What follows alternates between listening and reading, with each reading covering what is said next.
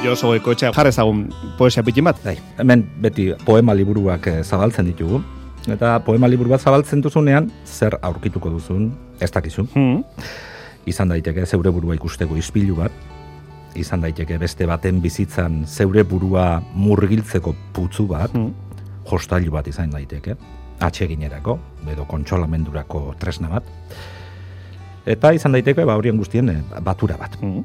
Et horixe izan daiteke gutxi asko Castillo Suarezen urtebetetze festa izeneko poema liburua. Elkarrek 2012an argitaratu zuena.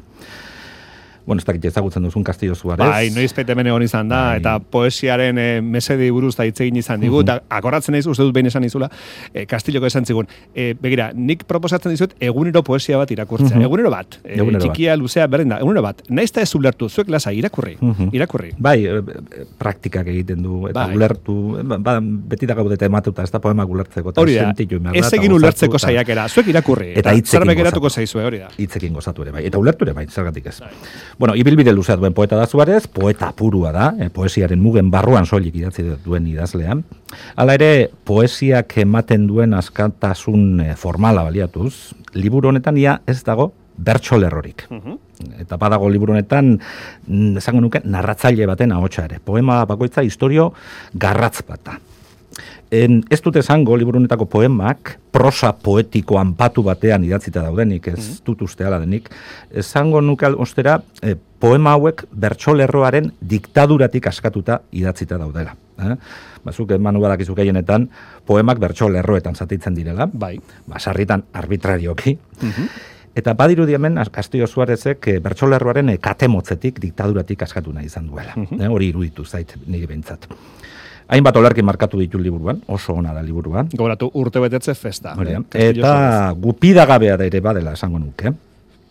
Abandonoa zari da, galera zari da, haurtzaroko galerez, baina batez ere maitasunak eta desirak dakartzaten eh, galerez.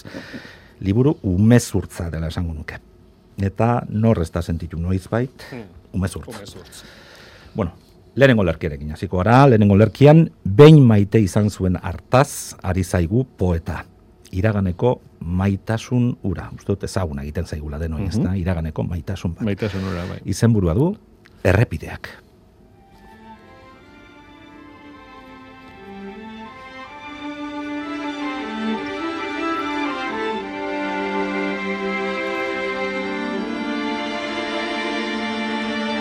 Autoek beti zaramatzate toki hobe batera. Horregatik daude errepideak beteta. Ies egin genuen. Amari autoa lapurtu nion eta itxa, itxasoaren mugaraino joan ginen. Ez ninduzula inoiz utziko esan zenidan.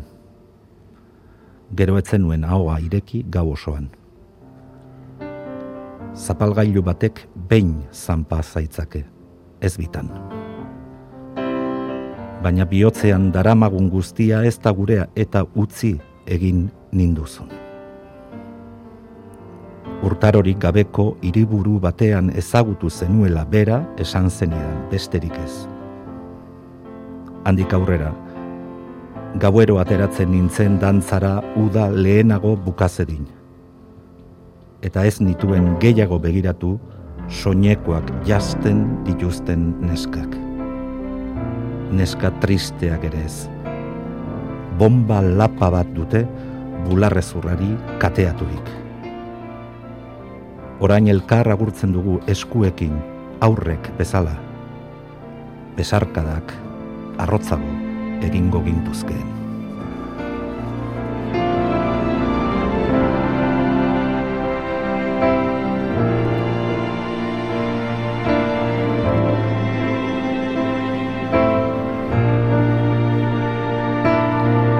Bai, irudi ederrak, eh? E, urtarorik gabeko hiriburu batean ezagutu zenuela bera, esan zenidan, besterik ez. Bai. Eta handik aurrera, gauero ateratzen nintzen dantzara, uda lehenago bukase den. Ze ona hori, eh? ze ona, ze ona. Bueno, esan, dut, bai, esan dute lehen maitasunak eta desirak zeharkatzen dutela liburu hau, Mm, dena da proposa eta irakurleak ala nahi du amodioa gauzatu dadin, baina ezer ere ez da arrosa. ez dago amaiera zoriontsurik, beti dago oztopo bat.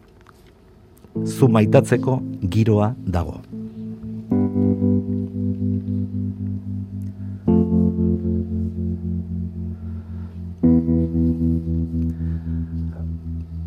Badakit itzarririk zaudena eta oe bazterretik zelatatzen nauzuna. Arnasa hartzen didazu biriketatik eta loa galarazten.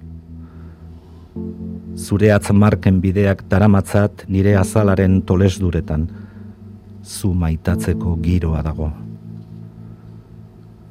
Zure besoetako laiotzean gordetzeko musu emateko gure amorante hoiek utzitako arrastoa ezabatu arte.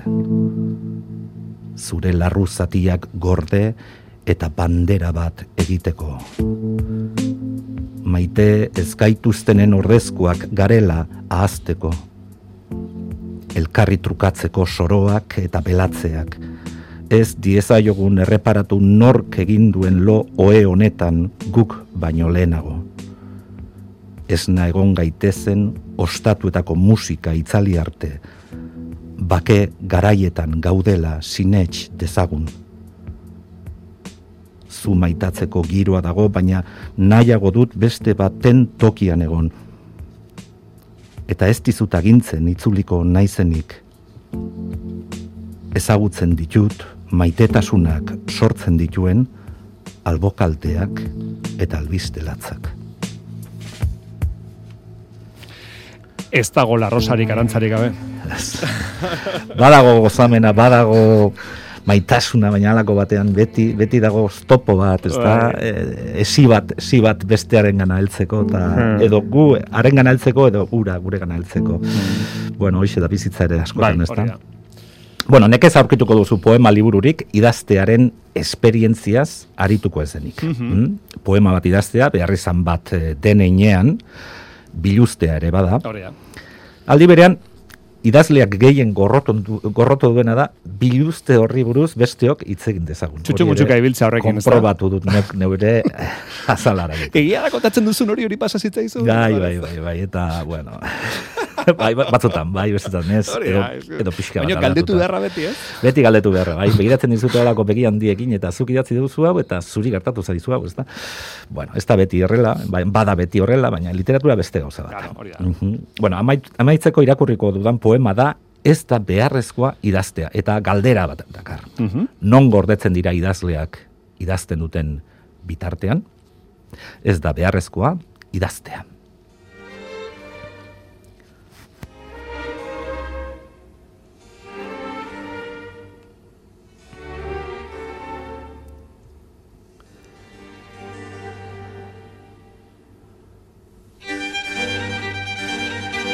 Ez da beharrezkoa idaztea.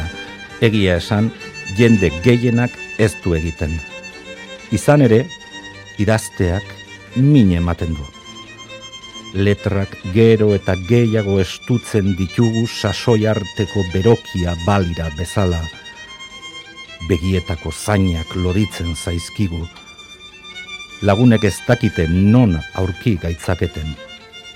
Ez dute ulertzen idatzitakoa aldiriko trenak hartzen dituzte gure robot irudiarekin sakelan. Gure bila ari dira. Guk bitartean. Giltzak naita galtzen ditugu. Zure etxean, argaitzazun, iluntzean.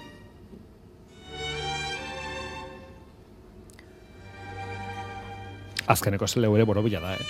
Gure bilari dira, guk bitartean giltzak naita galtzen ditugu, zure etxean arga itzazun iluntzean. Ba, benetan hartu liburu hau, olako amaika dituelako poema liburu honek, e, benetan aukerak eta zaila izan da, e, iru ekarri ditut, baina askoz gehiago dauzka ederrak eta bori, gogorrak, sendoak, e, gupidagabeak, xamurrak ere bai askotan, baina... Mm liburu irakurtzeko moduko liburua eta bueno orain dela urte gutxi beiratara du e, beste liburu bat izenburu ez dakit irautera izan zen aurrekoa. Bueno, irakurritzeko moduko autorea da, dudari gabe Castillo Suarez. Bai, Castillo Suarez, liburua 2000 eta mabigarren urtekoa, elkar argitaretxak plazaratu ba, eta urte betetze festa izenekoa. Eta azala ere digarria dauka, eh? Hor, Espainetako bat ageria gorri gorria, eh? Bai, eh, azkeneko poema Dakar horri buruzko, osea, lipstick izeneko poema ah. da, eta, bueno, horre, aipatzen du, baina ez daukatuko guan zehazki, bai, baina, bueno, horren esala norbaitek bai, bilatu nahi bai, badu. Poema batean dago. Hartu ez ala liburu. Eh, Josu, bibaldirekin zango dizugu. Aio, eh? Aio. Aur.